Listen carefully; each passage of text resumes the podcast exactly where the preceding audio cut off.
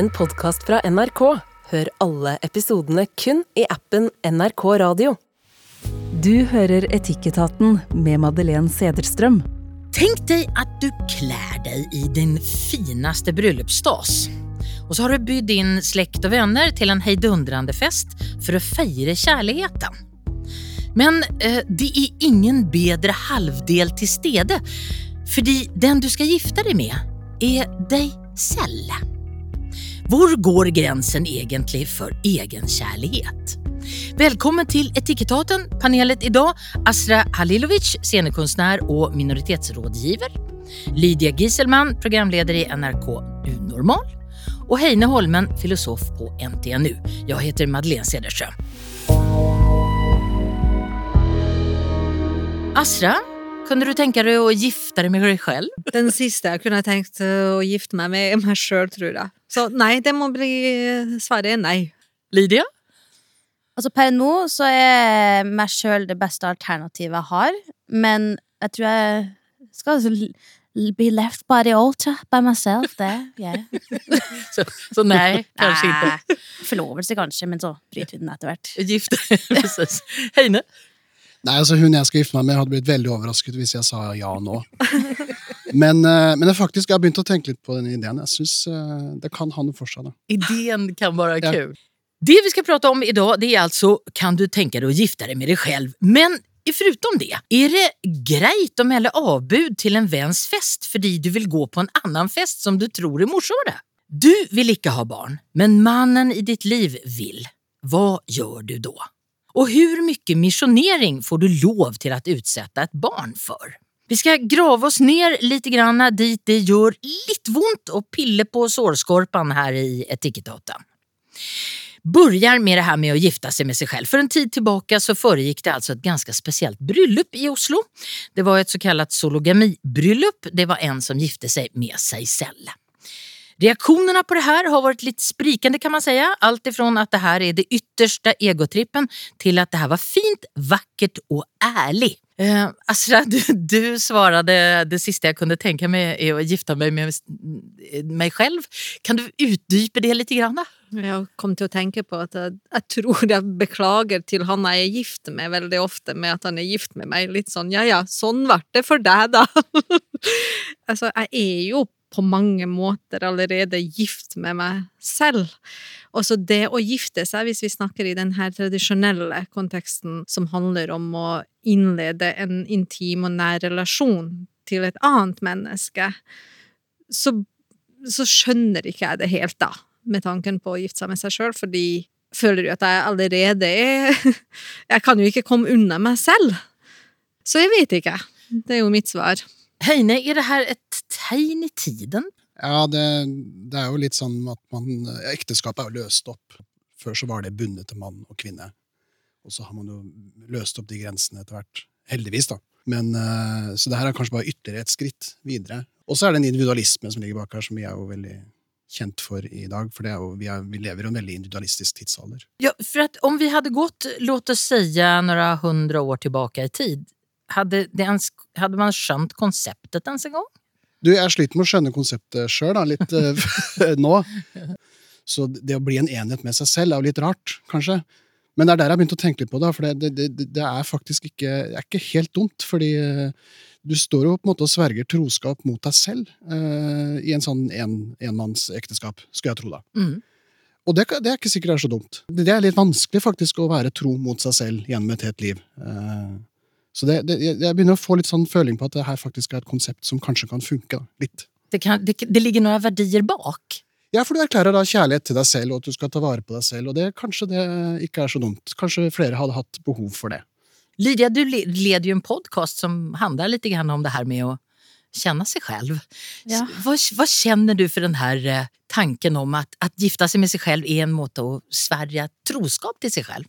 Ja, det er et uh, godt spørsmål, for på ett vis så har jeg lyst til å si at ja, men vet du hva, det hadde jo vært fint å gifte seg med seg sjøl, egentlig, fordi som Heine sier, så er det jo noe med det at det å sverge og være tro for seg sjøl, tro på å være seg sjøl resten av livet, det er jo en uh, jobb alle jobber med i mange, mange år. Mm. Og det er jo noe som jo tidligere du lærer det som tenåring, at lær deg å si nei, eller lær deg å stå opp for deg sjøl. Alle de tingene som man kanskje ikke lærer før mange år senere.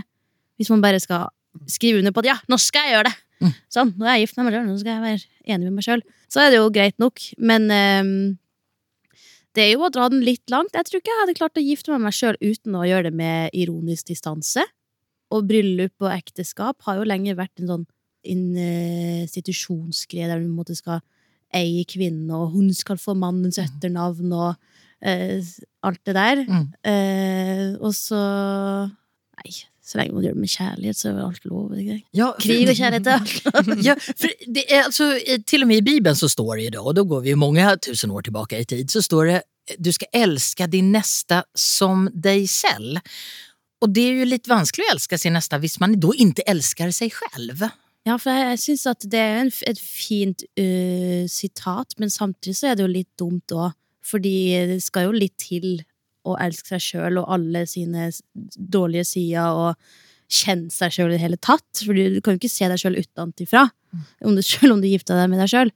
Så det er jo vans vanskelig å skulle gå rundt og finne seg en partner, men måtte elske seg sjøl først. Heine, dette detta citatet eh, eh, ifrån citat från Bibeln, det har Ja. Nietzsche tagit tag i ganska kraftigt. Så det här är ju, de filosoferna har tenkt på det her. Ja, det har de. Altså, det her er jo kjærlighetsbudet, hvis ikke jeg husker helt feil. Og det er jo Jesus, eh, så vidt vi vet, da, som har sagt det.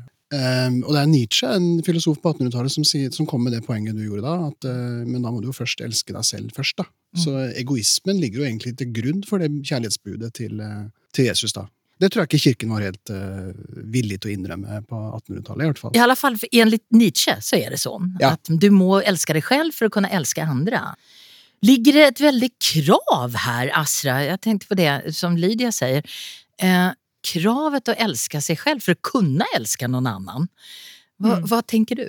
Altså det første jeg tenker på, jeg vil bare litt tilbake til det her å gifte seg med seg selv, for det minner meg litt Det jeg tenker på når, rundt det spørsmålet, er også en sånn slags eh, tristhet rundt at det høres ut som at man gir opp av den der romantiske relasjonen, eller noe, no ønske om en relasjon med noen andre.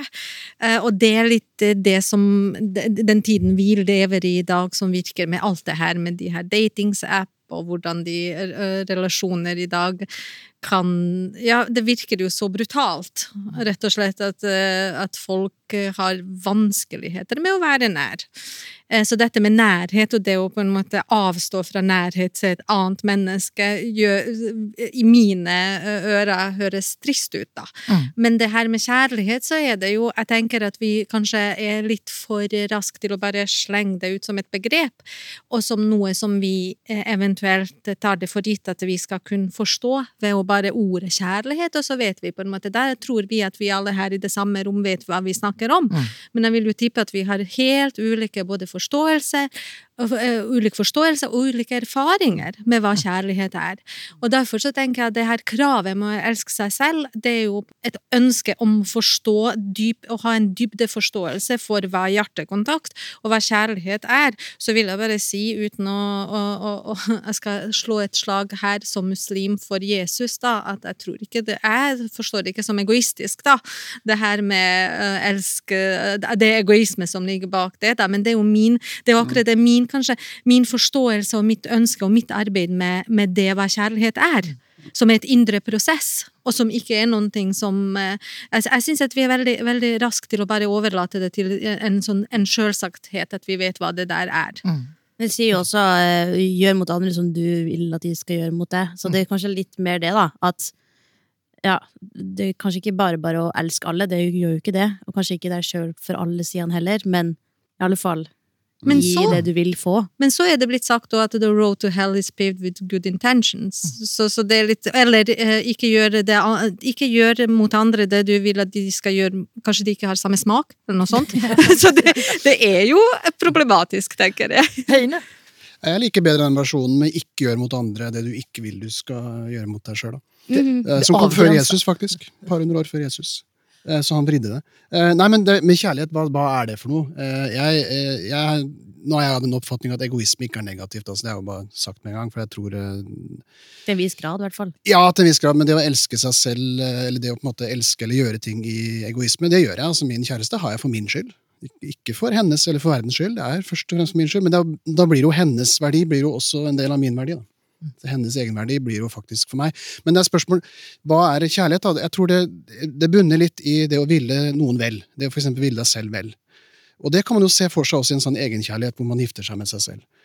Eh, Jeg har en gammel grandtante. Hun er fantastisk. Hun er, jeg tror hun er 95 år. Eh, Birgit Holmen. Hun hører ofte på det programmet her.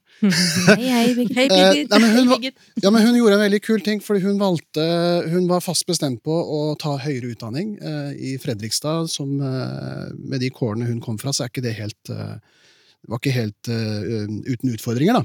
Så hun valgte helt bevisst å ikke gifte seg, for hun så at det ville fort være en hindring.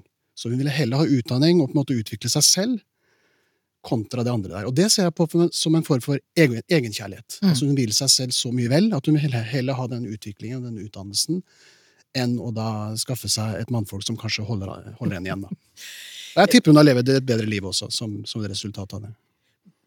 Hvis vi, hvis vi sier at det her med å gifte seg med seg selv kanskje er en slags eh, tegn i tiden, at det er det her med at vi skal finne oss selv, vi skal tykke om oss selv, og, og, og det er et slags krav at vi skal det, kan det også være ekstremt eh, alltså kan man bli ekstremt ensam av det? Jag tänker på dig Lydia, du har, du har stått i med många människor som har sett på dig väldigt mye. Eh, du har massor med ögon på dig. Eh, Hur, relaterar man till den slags kärlighet eller uppmärksamhet mot sig själv så mycket? Altså, det er jo en plass jeg er veldig glad i å være, og det er hjemme i leiligheten min helt alene, låst på sofaen. Altså, jeg har revprintet mitt i den sofaen, hvis det er lov å si. Alle har jo forskjellige behov, og hva er kjærlighet? Mm. sant? Altså, det, jeg setter jo veldig pris på den enorme kjærligheten for det produktet man lager, eller det man gjør, men det er jo noe helt annet enn meg på privaten, for eksempel. Da har jeg jo gode venner som gir meg den, den type kjærlighet, og den derre eh, men, nære mm, menneskelige kontakten der man utfordrer hverandre og Mm. gjør seg til et bedre menneske, eller får fortalt hva man skal gjøre bedre, eller ja. Så Men jeg vet ikke om det å gifte seg med seg sjøl at du kommer da inn i det rommet sånn «Ha, Jøss, i dette rommet her med alle disse folka var jeg ensom før, men nå er jeg gift med meg sjøl. Evig selskap. nå går det bra. Ja, nå. Det var ikke den, eh, noen som gifte seg med tre også en gang. Jeg føler jo at det å gifte seg med seg sjøl gir litt mer mening. ja, det, det har, månggifte har jo funnits eh, på, på mange ställen i verden. Ja. Ja. Det- eh, du er jo minoritetsrådgiver, så du har jo møtt du, du jobber daglig med helt andre kulturer. Jeg har møtt andre folk. Ja, med helt andre folk. Du möter andre folk som ser helt annorlunda ut. Ja, og der vil ville si eh, det som Heine sier, eh, for du, du nevnte jo innledningsvis at vi lever i en individualistisk verden, sa du. Og så tenkte jeg at eh, Og at vi er veldig sånn egoistiske, og, og, og at vi gifter oss fordi jeg sjøl har lyst på det mennesket det er for min del, men faktisk er det, det er ikke full virkelighet heller, ikke i Trondheim engang, fordi det finnes miljøer, det finnes kulturer, det finnes der, der, der, det, der det ikke er det samme, og der det kollektive tankegangen, kollektivistisk måte å leve på, er mye mer eh, tilstedeværende, og der, der det er en hverdag, da. Mm. Eh, så så klart, der, er det, der forstås også kjærlighet på en annen måte, og derfor forstås i hvert fall relasjoner og de nære relasjoner og uh, på en helt annen måte, og um, det, det, den balansen om, som, når jeg jobber som minoritetsrådgiver, så ser jeg jo at det ofte gjelder faktisk uh, å få til en balanse mellom den individualistiske måten å forholde seg både til verden og seg sjøl på, Mm. og den kollektivistiske. Heine, jeg tenkte på det, den, är, den her måten att ett menneske er verdt noe i seg selv, for ja. seg selv. Ja. Eh, som jo egentlig er den, om man drar det her med å gifte seg med seg selv helt til det ultimata så handler det kanskje om det, eller? Du kan, kan sikkert koble det til det. Altså det. For å koble litt til det Astra sa nå, da. eh, Det er jo helt, når jeg sier at man lever i en individualistisk tid, så betyr jo ikke det alle. Og det er jo det man kaller på godt lederspråk strekk i laget. ikke sant? Så det er jo selvfølgelig masse forskjellige varianter innenfor et samfunn. Eh, Min samboer har polsk opphav, og der merker man meg noe mye mer den kollektivistiske eh, samfunnskulturen enn det jeg har erfart, for eksempel, med min eh, bakgrunn. Så hun er gift med deg for sin egen del, hun? Eller for, Ja, når for, for, for din del, Når mener vi, jeg? når vi blir gift, så kommer vi dit. Ja. okay, Sorry. Nei, men, men, men den der men ideen med egenverdi, helt uavhengig av det samfunnet du er en del av, det er faktisk en ganske ny idé. Og den kobler man til vestlig eh, tenkning. Altså Det er der den krystalliserer seg. Det er opplysningstiden, og det er Rousseau og det er Ja, det er noe med moderniteten og Hobbes og Rousseau og Locke og alle Mm. de folka der som kommer etter hvert, og de er veldig klokkeklare på det, at vi har noe som heter individuelle rettigheter, som ikke samfunnet kan tråkke over, åkke som. Altså Du kan faktisk måle opp et samfunn i, i hvilken grad de tråkker over de verdiene der, og det har vi jo i dag oversatt til menneskerettigheter. Mm. Så sånn som ytringsfrihet og bevegelsesfrihet og trosfrihet og den type ting, de ligger der uansett som sånne absolutte individuelle rettigheter, og et samfunn kan da, ifølge disse filosofene, kan det måles opp med hvor godt og dårlig det er, avhengig av hvor mye de respekterer de ideene der. Og så er det selvfølgelig, når du snart har respektert dem, så kan du drive og måte, forvalte andre verdier og andre ideer. Og det er en ganske ny idé. En greker, som også er en filosof, da, bare for å hoppe litt tilbake, 2500 år tilbake, ville ikke skjønt den ideen der, om en verdi uavhengig av polis, uavhengig av samfunnet. Så det er en relativt ny, eh, moderne sak. For som har spredd seg i hele han verden sa at, at dag. er politisk og det betyder egentlig Det en, att det er en del av polis. ja, Og den- den som er. Og den som er utafor polis, den er et slags monster, sier Aristoteles. Det er ikke et menneske lenger. Kansellert. Ja, kansellert! ja. John Donne han har skrevet en, eh, han var prest på 1600-talet, han har jo skrevet den her No man is an island. Eh, intet, inget, intet menneske er en øy, eh, og hel og fullstendig i seg selv. Varje menneske er et stykke av fastlandet, en del av det hele, sier Ja. John Donne. Og det er vel ganska eh, symptomatiskt på den tiden, eller?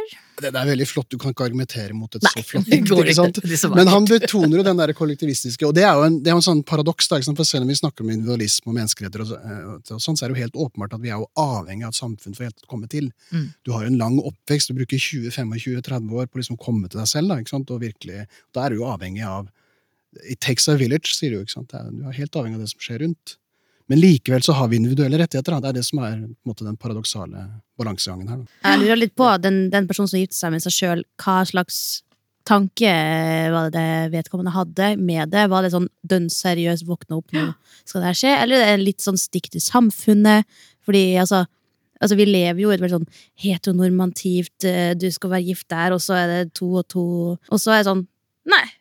Jeg er gift, og det med meg sjøl. Er det liksom humor? Man ser jo frem til skilsmissen. Ja. Ja. Hvem får huset? Det, Jag tror du det de mange av dine venninner og, og venner som kunne tenke seg det her, eller? Eh, det tror jeg ikke. Nei. Nei, altså, av alle de som på en måte følger med, som er mer tenåringer, som følger med på det vi legger ut i Unormal og sånt Altså, det er jo Kjærlighet er jo et veldig stort og viktig spørsmål. Men jeg tror ikke de hadde vært eh, Jeg tror ikke de hadde vært interessert i å gifte seg med seg sjøl. Altså de, De ser utover på andre. Så jeg tror ikke det her er liksom en trend som kommer med det første.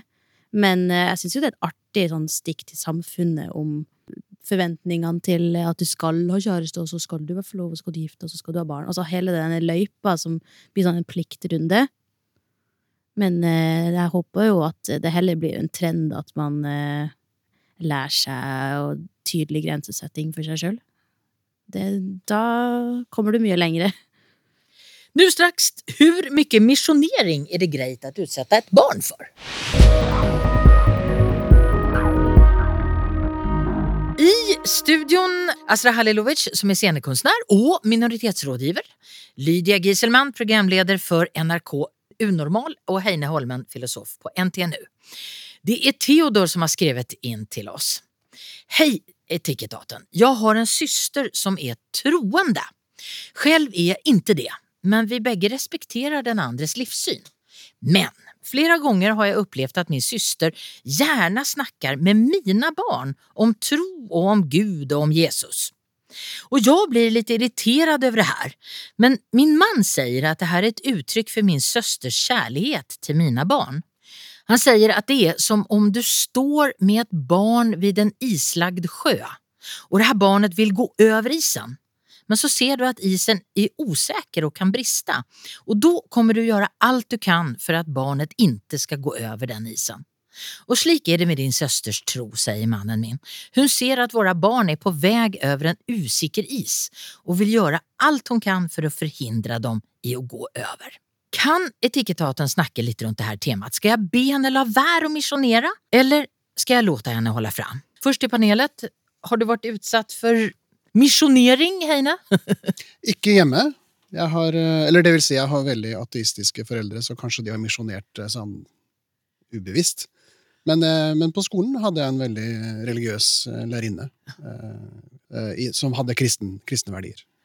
Hvordan er det med deg, Asra? Har du blitt utsatt for misjonering? Nei, ikke misjonering, men jeg er oppvokst i eh, en imamfamilie med en far som er imam. Eh, Men jeg må bare påpeke, i islam så har ikke vi lov å misjonere. Så nei, jeg har ikke blitt utsatt for misjonering, bare hjernevask, nei.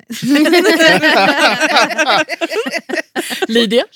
Altså, jeg vokste opp med å være mye i kirka og på leir og sånn, men ja, for noen så er det kanskje som Asra sier, ja, hjernevask eller misjonering på et vis, men, men samtidig så har jeg også blitt veldig lært opp til å ha mine, ta mine egne valg. Så jeg kjenner sjøl at jeg ikke er skada.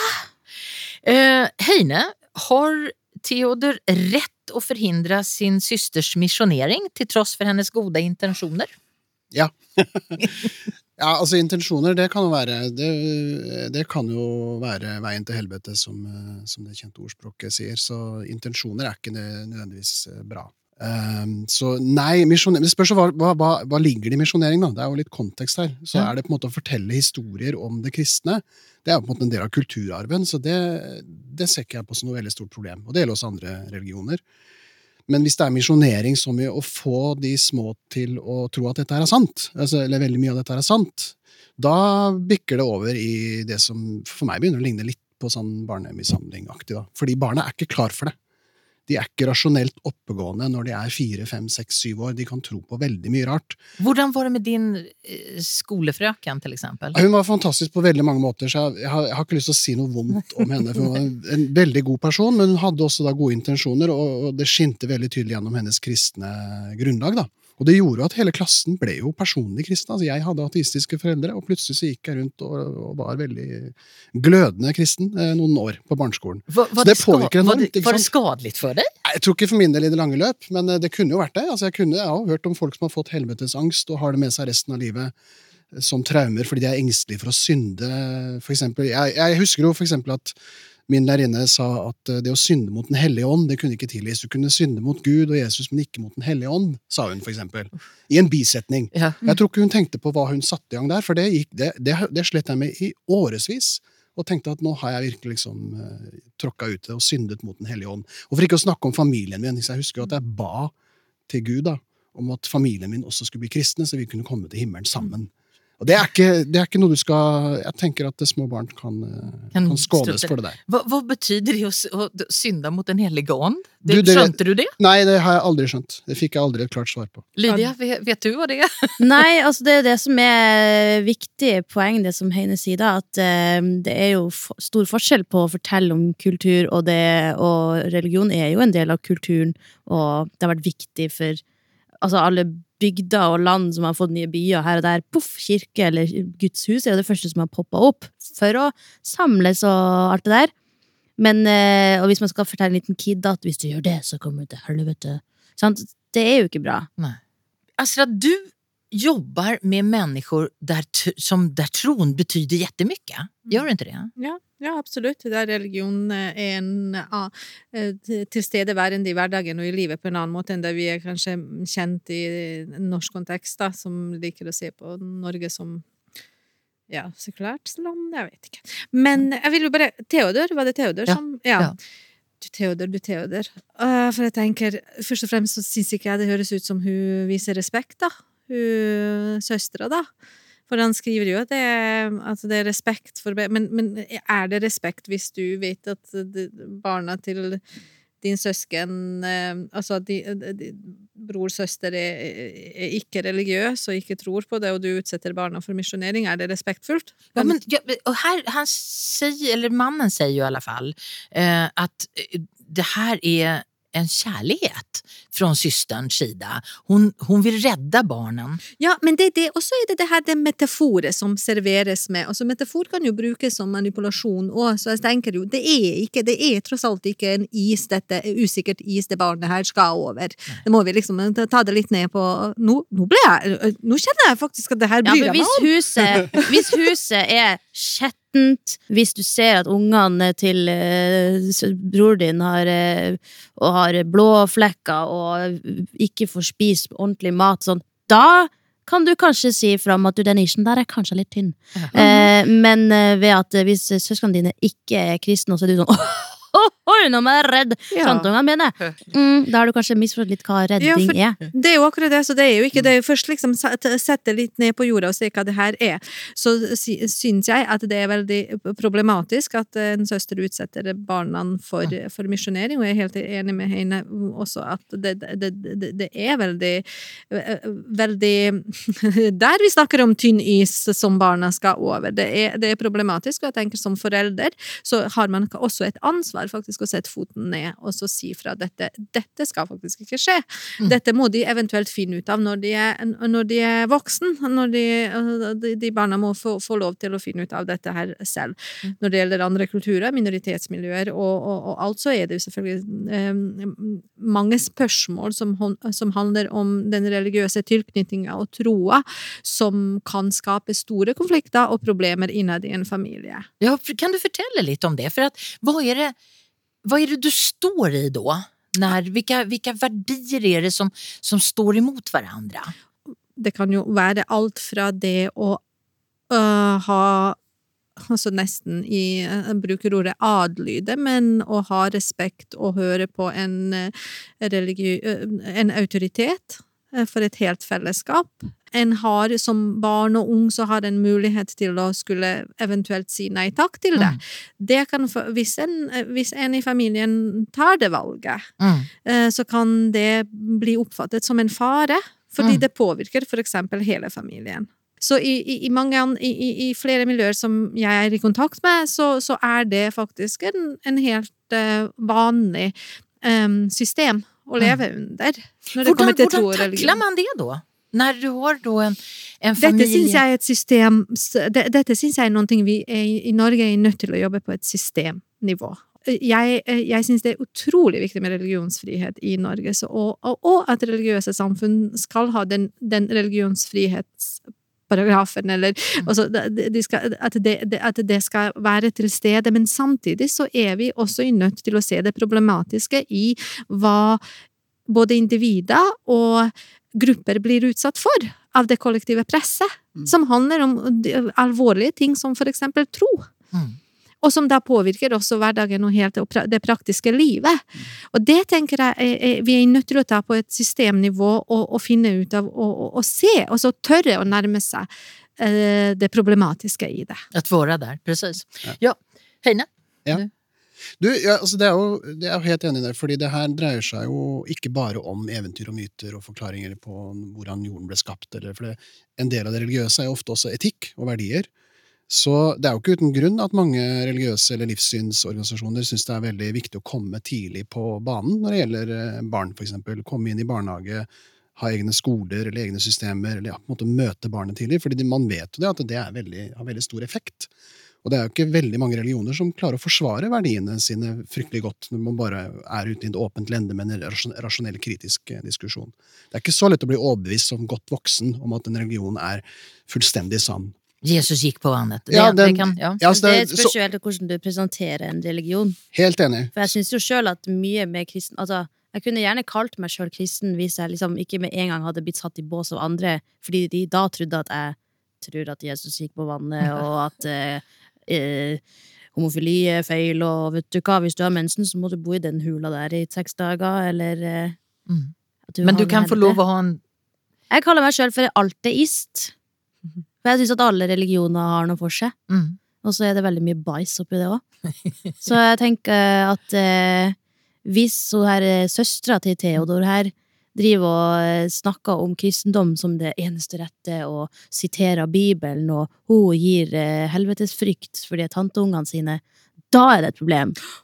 Men hvis at eh, det heller er sånn at hun her eh, også kan ha anerkjenne at eh, også de som er muslimer, gjør dette. De har en sånn høytid, for eksempel. Eller jødene har en sånn her eh, type ting å gjøre ting på. Altså, Mm. det er jo noe med å heller bare fòre ungen med info om alt i hele verden.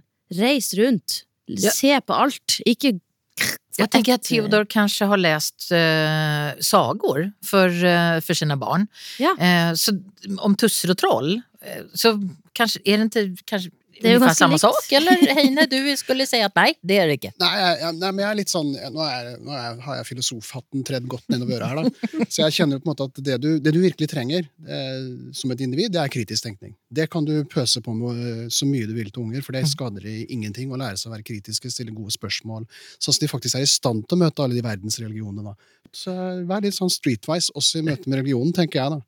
Og det må de lære ungene til å, til å få Men når det gjelder sånn type tusser og troll og eventyr og sånt, det er jo veldig mye i det at ting, eh, historier ble fortalt på folkemunne rundt bålet. Og da er det klart at du må si at det er en nøkk i sjøen og et troll i skogen, for at ellers så springer jo ungen i skogen. Ja, Eller sånn derre eh, I Nord-Norge er det masse sånne greier at ja, ta inn eh, veden innafor den og den datoen, eller så kommer det trollet. Og så er det Nei, det var egentlig bare vinteren. Men der, der sier du noe veldig viktig, Lydia. Det, det er frykten. Jeg vil tippe at Theodor kanskje skal ta en prat med søstera si om frykt. Det, for det, dette handler om hennes frykt, eh, som hun må deale med. Det, Og det er jo som Heine og Mm. nevner, at det er veldig mye frykt som kjøres hardt på det, gjennom det her, eh, gjennom religioner, og være redd og være redd. Jeg er veldig glad for at jeg i hvert fall En ting som det er Mye faren min har gjort galt, da, men det er en ting han gjorde bra, da, er jo ved å faktisk å, å virkelighetsorientere meg fra jeg var veldig liten, om at ditt forhold til Gud er ditt forhold til Gud. Det går ikke gjennom meg, og det har ikke jeg noe med. Det må du finne ut av. Men du er muslim! Nei. Du skal være rädd! Men, altså, men, i hvert fall det her med at jeg må deale med mine Også mitt forhold til Gud er også mitt forhold til min frykt. Vi kan ju tänka oss om det inte hade varit Gud och Jesus som hon hade pratat om utan till exempel eh, att jorden är flat eller att eh, vaccinmotstånd eller ett eller annat sånt där helt annat som vi automatiskt säger mm, det skal vi ikke utsette henne för. Ja, men Mm. det er det som er litt av det poenget jeg nevnte i sted. Det, er at det, det her har jo faktisk konsekvenser for hva du tror er fakta, og hvilke verdier du har, og hva du handler på grunnlag av. Så hvis du på en måte ender opp nå med å få noen som ikke tar en vaksine fordi det er imot på en måte en religiøs doktrine, eller de, de tenker at de skal ikke fly fordi eh, jorden er flat uansett, så man driver ikke og flyr. Altså det, det, er, det er masse oppfatninger som, som, som ikke er sunt å ha, da, som kan komme med religion. Det kan komme med andre ting òg. Altså det, det altså Enhver ting kan misbrukes. Filosofi kan misbrukes eh, enormt. Theodors barn tillhör kanske ovanligheten därför att de får religionen in med en person. Men väldigt många nu kommer ju först och främst i kontakt med religion genom TikTok och andra medier. Eh, där, och det har ju föräldrarna ingen som helst möjlighet till att ha någon kontroll över. Men eh, här, Heine, är det en, en helt ny måte att missionera på. Ja, det er det. Eh, Det er en helt ny plattform, en helt ny medieplattform som du kan få silt informasjon inn, og folk tar det i bruk. Og vi lever jo kanskje i en tid hvor religiøse ting blir blandet mye sammen. Da. Så du har masse forskjellige blandinger. Altså, vi nevnte jo alteisme her i stad. Så det er jo det unge folk gjør. Så jeg har sett blant annet masse videoer med sånn manifestering, for eksempel, hvor man sitter og skriver inn det man ønsker seg, og unge mennesker er veldig opptatt av at det virker. da. Så de handler på det grunnlaget. Sitter og skriver hele dagen om at de ønsker seg en Mercedes eller god utdannelse eller en kjæreste eller god venn. Eller... Og så påstår man at det virker, og så viser man fram resultatet på, på TikTok eller andre, andre mediekanaler. Og der er det jo et enormt marked for misjonering, selvfølgelig, og det tror jeg nok blir plukka opp. Og det er veldig vanskelig å beskytte Det- Men det er der kritisk tenkning kommer inn, da. Mm. Hvis du er rusta fra før og vet hvordan du skal behandle informasjon og sjekke kilder og være litt uh, ute etter å vise hvor de tar feil. Det er egentlig det jeg tenker på med kritisk tenkning. Da. Hvor er hullet, på en måte? Lydia, møter du mye av dette i NRK Unormal? Altså, vårt publikum ønsker jo veldig korte video, fordi at, en, eh, at man ikke klarer å konsentrere seg så lenge. Da må man jo holde kort. Det igjen går jo utover eh, hvor mye kilder og info man kan pakke inni der. Eller, altså, alt blir veldig sånn forkorta og bare en overskrift. Om du da scroller på TikTok, og noen sier et utsagn at skriv ned Mercedes i morgen, og så får du det i overmorgen. Mm. Så er det jo klart at noen fort vil bare Ok, det, jeg følte meg truffet. Mm. Men det som er, er jo at det som altså, Religion blir så veldig nei, nei. Og så får jo ungdom sine egne eh, ekkokammer og eh, frelsere inn i de, de og de forskjellige rommene. Mm. Altså, du har jo Andrew Tate. Yeah. Alle de der blir jo som en slags forkynner. Theodor, vi, jeg tenker at du tar en prat med din syster om hennes frykt. Skal vi, skal vi konkludere med det? Og snakke med barna om hva, hva var det Ja. tante snakka om i dag, da? Og så kan man heller ha en ordentlig samtale etterpå.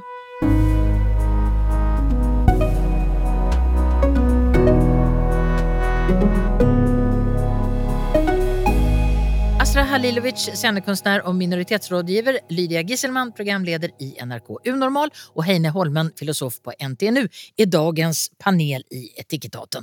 der vi graver litt djupt i eh, våre etiske dilemmaer som eh, lytterne har skrevet in. Lars-Erik skriver jeg og en kompis har et felles dilemma. Vi er begge to invitert i to større fester. De arrangeres samme dag. Det er et 30-årslag og et utdrikningslag. Eh, Och det är nog många som kommer att mena någonting om valet vi kommer till att ta, för vi ska ta det samman. De känner varandra. Vad ska vi lägga till grund för vilken fest vi ska gå på? Ska vi göra det vi har mest lyst till eller finns det några etiska regler för vad vi bör välja? Hilsen to festglade män. Först till panelet. Hvor festglade är dere? Heine, på en skala från en till tio, är du en festglad man? Én. Asra, Så fint! Ja, én om så én. Lydia. Det spørs eh, helt på hvem, hva, hvor og hva tid. Ja. Jeg kan være én, men så kan jeg også være 20 Ja. av 10. Ok, Ja. så det er just det. Precis. Hvilken fest skulle du aldri noensinne gå på utav et 30-årslag og en utdrikningslag? Jeg heller jo til utdrikningslaget, da. Ja. Men det er, det er mine fordommer da, om hva et sånt utdrikningslag kan være. Jeg kunne godt tenkt meg å ikke være i en fest hvor jeg risikerer at det dukker opp en stripper, for. Där Det går for deg. Det er en veldig grei regel å ha. Ja. Kanskje mye rart i en 30-årsdag òg. Ja, ja, det var det. Men låt oss gå ned til de festglade mennene. Eh, først og fremst, kan de gå til den festen de har mest lyst til? Lydia? Altså, ja, det er jo På et vis så har jeg lyst til å bare si det. Ja, gjør det som du syns høres gøyest ut. Og så vet jeg jo også at det er ikke bare enkelt. Du har selv stått i et sånt her dilemma, eller? Ja, Ja. det var da altså på akkurat samme dag så skulle min beste venninne feire 30-årsdag. Og så skulle en bestefar også skulle feire runddag. Og på to forskjellige plasser, så jeg måtte jo velge en. Jeg kunne ikke liksom være sånn Nå starter jeg forretten her, og så tar jeg en øl på den andre. Nei da, jeg måtte velge, og da ble det jo faktisk eh, familien som kom først for min del. Her, da. Hva var det som lå til grunn for det? Altså, du drar jo i 80-årsdagen til bestefaren din framfor en 30-årsdag. Hvorfor? Nei, det var vanskelig på et Det var ikke vanskelig å ta valget, men det var kjipt å gå glipp av 30-årsdagen. Eh, men jeg angra ikke på valget mitt nå. Nei. Fordi det var jo det med familie var viktig. Vi, altså, vi har jo kjent hverandre i mange år. Han har jo kjent meg siden jeg var nyfødt. Og det blir mange i familien som man møter som man kanskje ikke møter så ofte. Men det var kjipt å gå glipp av bursdagen. Men det var et lett valg å ta. Heine, er, är, Heine, er dette en, en klassisk pliktetikk mot utilitarisme, eller? Hva er det for noe? Jeg, jeg kan, sikkert konstruere noe for å få det til å bli det. Nei, det er egentlig ikke det, men eh, du har ingen moralsk forpliktelse til å delta på fest. Det vil være veldig rar uh, pliktetikk. Og, og det vil også være veldig cocky av meg å tenke at uh, hvis jeg dukket opp på festen, så ville jeg skape så mye nytelse at det var det beste mulige utfallet, for da er det jo på utilitarisme. Så det Nei, det tror jeg ikke. Nei. Men, eh, men, men det er noe med de forpliktelsene i forhold til eh, relasjoner, da, for det er jo ting vi tar på oss. Det er ikke en moralsk sak. Men det er litt i relasjonene. ikke sant? Så Du sitter jo i visse vennskap. eh, Bestefar er nevnt. ikke sant? Så det er, det er sånne forpliktelser som vi tar på oss. Det er ikke moralske, men det er på en måte vi, vi velger å, å holde dem. Hva mener du med at de ikke er moralske? Nei, det er litt sånn som altså, Jeg er underviser og instituttleder. Da har jeg visse forpliktelser. Jeg har blant annet taushetsplikt i visse saker, og så har jeg reaksjonsplikter i andre saker. Det er forpliktelser jeg har fordi jeg har tatt på meg den rollen. Men de moralske de har jeg uansett. Ah, Altså det å på en måte ikke ta livet av uskyldige, bare for å ta et veldig åpenbart eksempel. Det, det, det, det, spil, det, er ikke en, det er ikke en sånn rolleting. Ikke sa er bare, av uskyldige. Ja, ja, uskyldige, det er noe annet sagt. Det kan vi diskutere en annen gang. Og jeg, jeg, føler, jeg opplever ikke at fest havner inn i den kategorien her, da. Nei. Men her har de likevel en spesiell relasjon til de to. Ja. Så det er jo venner som blir 30, og så er det en venn som da skal gifte seg. Og det å gifte seg er jo en litt sånn unik ting, tenker jeg.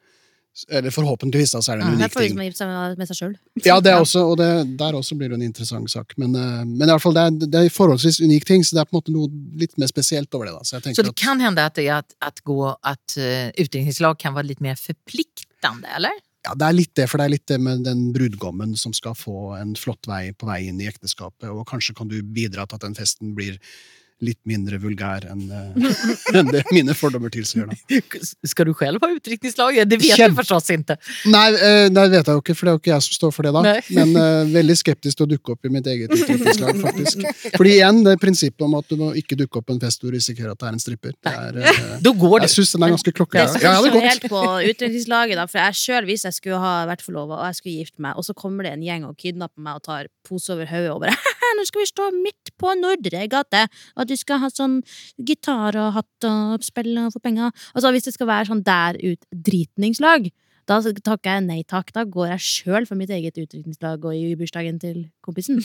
Eh, men så er det noe med at ok, hvis det er med venner som man kjenner godt, eller kanskje det her er før et bryllup der eh, Vet du hva, det hadde vært egentlig fint å bli kjent med flere som skal i det bryllupet, for da blir jo det bryllupet en ekstra fin fest. Mm. Så er det en hyggelig kveld. Mens 30-årsdagen er jo også viktig, da. Ja, det er det. Asra, hva hadde du gått på? Uh, jeg, ingen av deler, holdt jeg på å si. Jeg har hatt så mye skyldfølelse for alt jeg ikke har vært med på, og fortsatt har, fordi jeg har aldri vært så fest, eh, festglad. Men jeg syns det der handler om hvem du kjenner eh, Hvem du har kjent lengst, og hvem du kjenner best. I det här fallet, så, för det är en del tilläggsinformation här, Jaha. nämligen som jag har undanhållit er.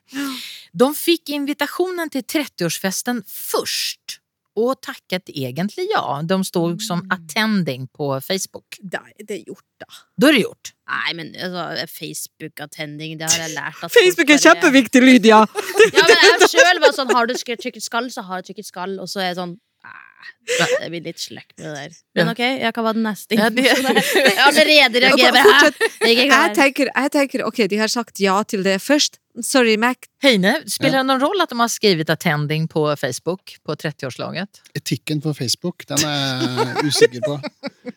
Ja, jeg, hvis jeg skulle kjent på det selv, så jeg hadde jo Hvis de jeg hadde skrevet at de kom sånn attending, men ikke kom, og det var nære venner av meg, det var 30-årslaget mitt, så hadde jeg jo kjent litt på det. Det burde i hvert fall sagt ifra i forkant. da. Skal vi si så her, de får gå dit de vil. Det, det, Kan ikke de gå på hver sin plass, og så etter to timer så bytter, Bytte de? det. Ja. Ah, det var lø. Det er en veldig bra idé. Jeg syns de skal gå på den festen hvor de vet at det ikke er en stripper. Asra Halilovic, scenekonstnär och minoritetsrådgivare till stede. I, på, I panelet eh, Lydia Gisselman, programledare för NRK Unormal och Heine Holmen, filosof på NTNU i Trondheim. Och jag heter Madeleine Cederström. Veronica har skrivit till oss. Jag vill inte ha barn.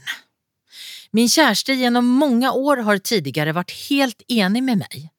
Men nu har han plötsligt ändrat sig och jag kan se att det här har blivit väldigt viktigt för honom. Jag är helt säker på att han är mannen i mitt liv. Men nu har jag börjat att tänka på om jag kanske borde gå ifrån honom, slik att han kunde ha funnit sig en annan kvinna och få barn med. Han kommer nog inte att gå ifrån mig. Men då dömer jag honom till ett liv utan barn. Vad syns ni att jag ska göra? Det är lite vondt det här. Um, får man fråga en sån personlig fråga, vill dere ha barn? Altså, jeg har hele livet tenkt at jeg har lyst på barn, og da ikke med den derre altså På et vis selvfølgelig sikkert litt sånn derre eh, truffet av samfunnets eh, krav, på en måte. De siste åra nå så er jeg litt sånn Må jo ikke. Asra? Jeg er Nei, jeg har ikke barn. Det er egentlig mitt svar på om jeg vil ha barn eller ikke. Vanskelig. Ja, det er vanskelig. Men, altså, jeg er også 44, så jeg har egentlig det toget har gått, eh, tenker jeg, da. og det har vært eh, Jeg er jo ei kvinne på 44 som har gått gjennom en del spontanaborter, og det har vært en prosess. Og, eh, men samtidig så har jeg virkelig kjent på spørsmålet Mm. eh, Vil jeg ha barn? Eh, og hva det har gjort med meg. Mm. Og likevel, når du stiller det spørsmålet, så kan ikke jeg svare ja eller nei. Heine, vil du ha barn i framtiden? Veldig ambivalent. Veldig mange gode grunner til å ikke ville ha barn. Hvilke er Nei, Først og fremst at jeg, jeg syns ikke det er veldig artig sånn, eh, å, å være med barn, så hvis jeg skal være helt ærlig. I hvert fall sånn, sånn 24-7, Det er så mange irriterende barn ute og går. faktisk. Uh, nei, men altså, det er noe med Nei, jeg har ikke den, det er ikke mitt prosjekt, da. Det er ikke min uh, cup of tea. Det er ikke det jeg tenker at jeg har lyst til å bruke mye Og så er det masse negative ting med det, så det, det er veldig ambivalent. Man skal være dønn sikker, i hvert fall, før man Altså, jeg tenker jo ikke nei, ikke for barn. Nei. Det er jo For det første så er det jo eh, opp til eh, en sjøl. Selvfølgelig det er det jo ikke alltid det bare skjer av seg sjøl. Nå vil jeg ha barn, poff, så får man barn. Det er jo mange nok eh, historier om at det ikke bare bare. Ikke sant? Og sånn som du snakker om, eh, Astra, det er jo ikke det, det er jo ikke bare hokus pokus. Og Mm. når ungen først er der, det er jo heller ikke hokus pokus. Og hvis hun vet at hun ikke vil ha det, hun som har sendt inn her De har vært enige Ja. om dette, men så har den endret seg. Mm. Heine, hva er hun en, er, är hon ett ädelt menneske fordi hun vil på en måte offre seg? Jeg synes i, den, I det tilfellet her så virker det som at hun er beredt til å ta det valget for dem begge. Det syns jeg blir veldig feil, for hun vil gå fra han fordi han ikke klarer å gå fra henne, fordi han risikerer å leve et barnløst eh, liv og lide av det. Så vil hun ta på seg alt det ansvaret og ta det valget for han. Det syns jeg ikke hun skal gjøre. Fordi Det er fordi han er et voksen menneske og burde ta det valget der eh, selv. Hvis ikke så tar hun på seg ansvaret for han. Litt sånn som det, en mor ville gjort. Ja, ja er, det, er, er, det litt edelt av henne å gjøre det? Nei, nå, nå setter jeg kjærligheten veldig høyt. Mm. Eh, Så jeg tenker det å velge den bort, det syns jeg absolutt ikke Det er det som gjør den saken her så vond. Hun vurderer faktisk å velge bort det hun vet er mannen i sitt liv. Men så samtidig tar hun jo hensyn til han, og som vi snakket om tidligere, med kjærlighet. Kjærlighet er jo blant annet å vil- ville den andre vel. Ville den andre så vel at de ikke lenger skal være sammen med en selv.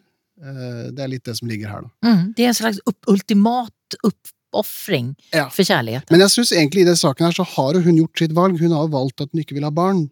Det må han finne ut av om han kan forholde seg til eller ikke. Lydia, er, er hun et edelt menneske? Jeg tror hun prøver. Eh, hun er sikkert mye mer edelt enn det liksom Fordi at jeg er jo helt enig med Heine her, at det er jo ikke Altså, hun har tatt et valg, og det kan jo hende at det også endrer seg, absolutt, men han eh, typen kan jo ikke sitte der og vente på at det skal skje, eller prøve å overbevise henne eller et eller annet sånt. Eh, og hvorfor skal hun slå opp med han? I så fall må det jo være for at eh, ja, han ikke klarer sjøl, og hun liksom må være mora hans, da, som det blir nevnt. Som jo er det dessverre altfor mange som blir i et partnerskap. Eh, han må jo også ta vare på seg sjøl. Hvis hun vet at han veldig ofte, kanskje etterpå, bebreider henne for ting som Mm. han ikke fikk gjort, da tenker jeg også get the fuck away from there. Det vet vi jo ikke, forstås. förstås. Men det, det låter nesten som at hun, alltså, hun, vill inte un, hun unnar honom ikke den olyckan att sitta och sakna. Så för om han ikke sier någonting så ligger det liksom som en slags påse der. Han, Men vi har jo alle hatt drømmer i livet, eller ønsker for ting, eller om det så er at man står mellom Skal man male veggen rød eller grønn? Så er det jo alltid et partnerskap. Du må jo på en måte komme fram til et slags visst kompromiss, da. Mm. Men, men, alltså, vi kvinner har et, et biologisk vindu som Mhm. männen Og ikke det var, har. det var ikke nok for meg, for Nei. jeg hadde ting jeg skulle Jeg hadde Ja. en krig jeg skulle gå gjennom, jeg hadde en del familiekonflikter jeg skulle gå gjennom, Mm. før jeg kunne roe meg ned, bli voksen og kjenne at nå kunne jeg tenkt meg barn, og da var det allerede litt knapt med tid. Men er hun, er hun ädel? Er hun edel? Det var det du spurte om, ja. Uh, jeg vet ikke. Altså, nei, altså, det er jo ikke et begrep jeg, jeg bruker og tenker over, egentlig. Så, og det å være edel det, det, det, det Nei, jeg, tenker jo Jeg er jo enig i det som blir sagt her, at eh, en skal ikke ta um, avgjørelse for et annet menneske. Han elsker henne, han vil være sammen med hun, men hun tenk, um, Jeg vil heller si nedlatende. At, eh, at du, å, ta, å, å ta avgjørelser for noen andre. Altså, da er du nedlatende for, mot den andre. Da har du ikke respekt for den andre sin valg, som sier da 'jeg vil være her'. Men spørsmålet er, vil han være der fordi han tenker at hun kan kanskje skifte mening på et eller annet tidspunkt? Altså, det bør jo heller være hennes. Ja, Da er det ikke sammen på riktig Da er- grunnlag, da. Da er, det, da er grunnlaget litt sviktende her. Men altså Men jeg tenker at det ikke Jeg, jeg tenker at eh, tanken om at man en viser ekte kjærlighet, og viser kjærlighet ved å faktisk spare han for et liv uten barn når han egentlig vil ha barn. Hva vet vi hva jeg vil i morgen en gang? Eh, Hun har tatt en avgjørelse at hun ikke ønsker barn. La han ta en avgjørelse om han vil være sammen med hun eller ikke. Det som ligger under her, er jo forstås at at man vill varandra så väl. Att, eh, men han må jo ha låtit henne förstå på något sätt att han faktiskt vill ha barn. Och då är mitt spörsmål egentligen, är det uetiskt av han att ändra standpunkt? Uetisk tror jeg ikke det er. Du har lov til å ombestemme deg. Eh, og jeg tenker jo, Vi kan diskutere hva det vil si å elske, selvfølgelig, men det ligger jo i det at man det kan what may. altså. Så Hvis hun da ikke vil ha barn, så, så, så burde han jo fortsette å elske henne. Mm. At Det, det, det er ikke barnet det skal komme an på. Han elsker vel ikke barnet høyere. Eller det å få barn høyere enn han elsker henne. Da er han ikke drømmemannen.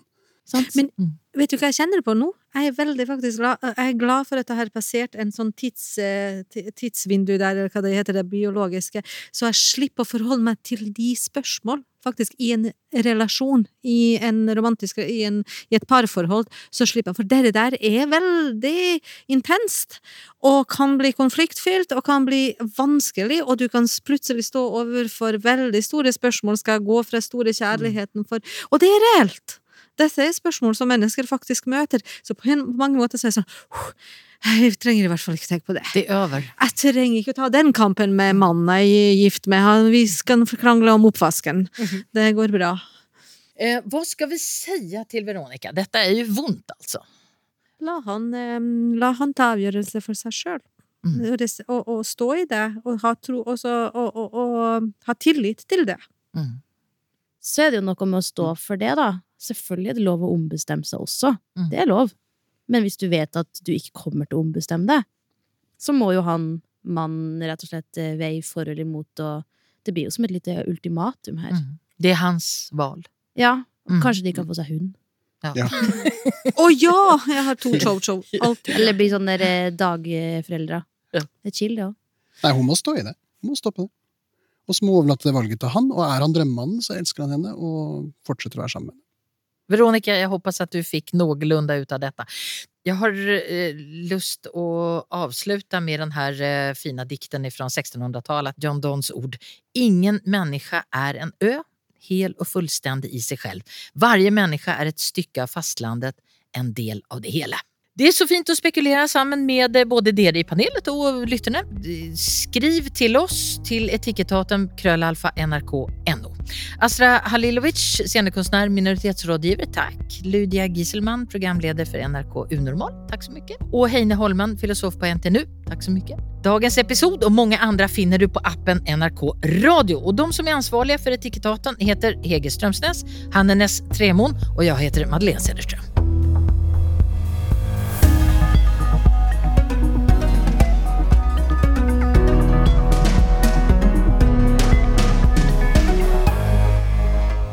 Du har hørt en podkast fra NRK. Hør alle episodene kun i appen NRK Radio.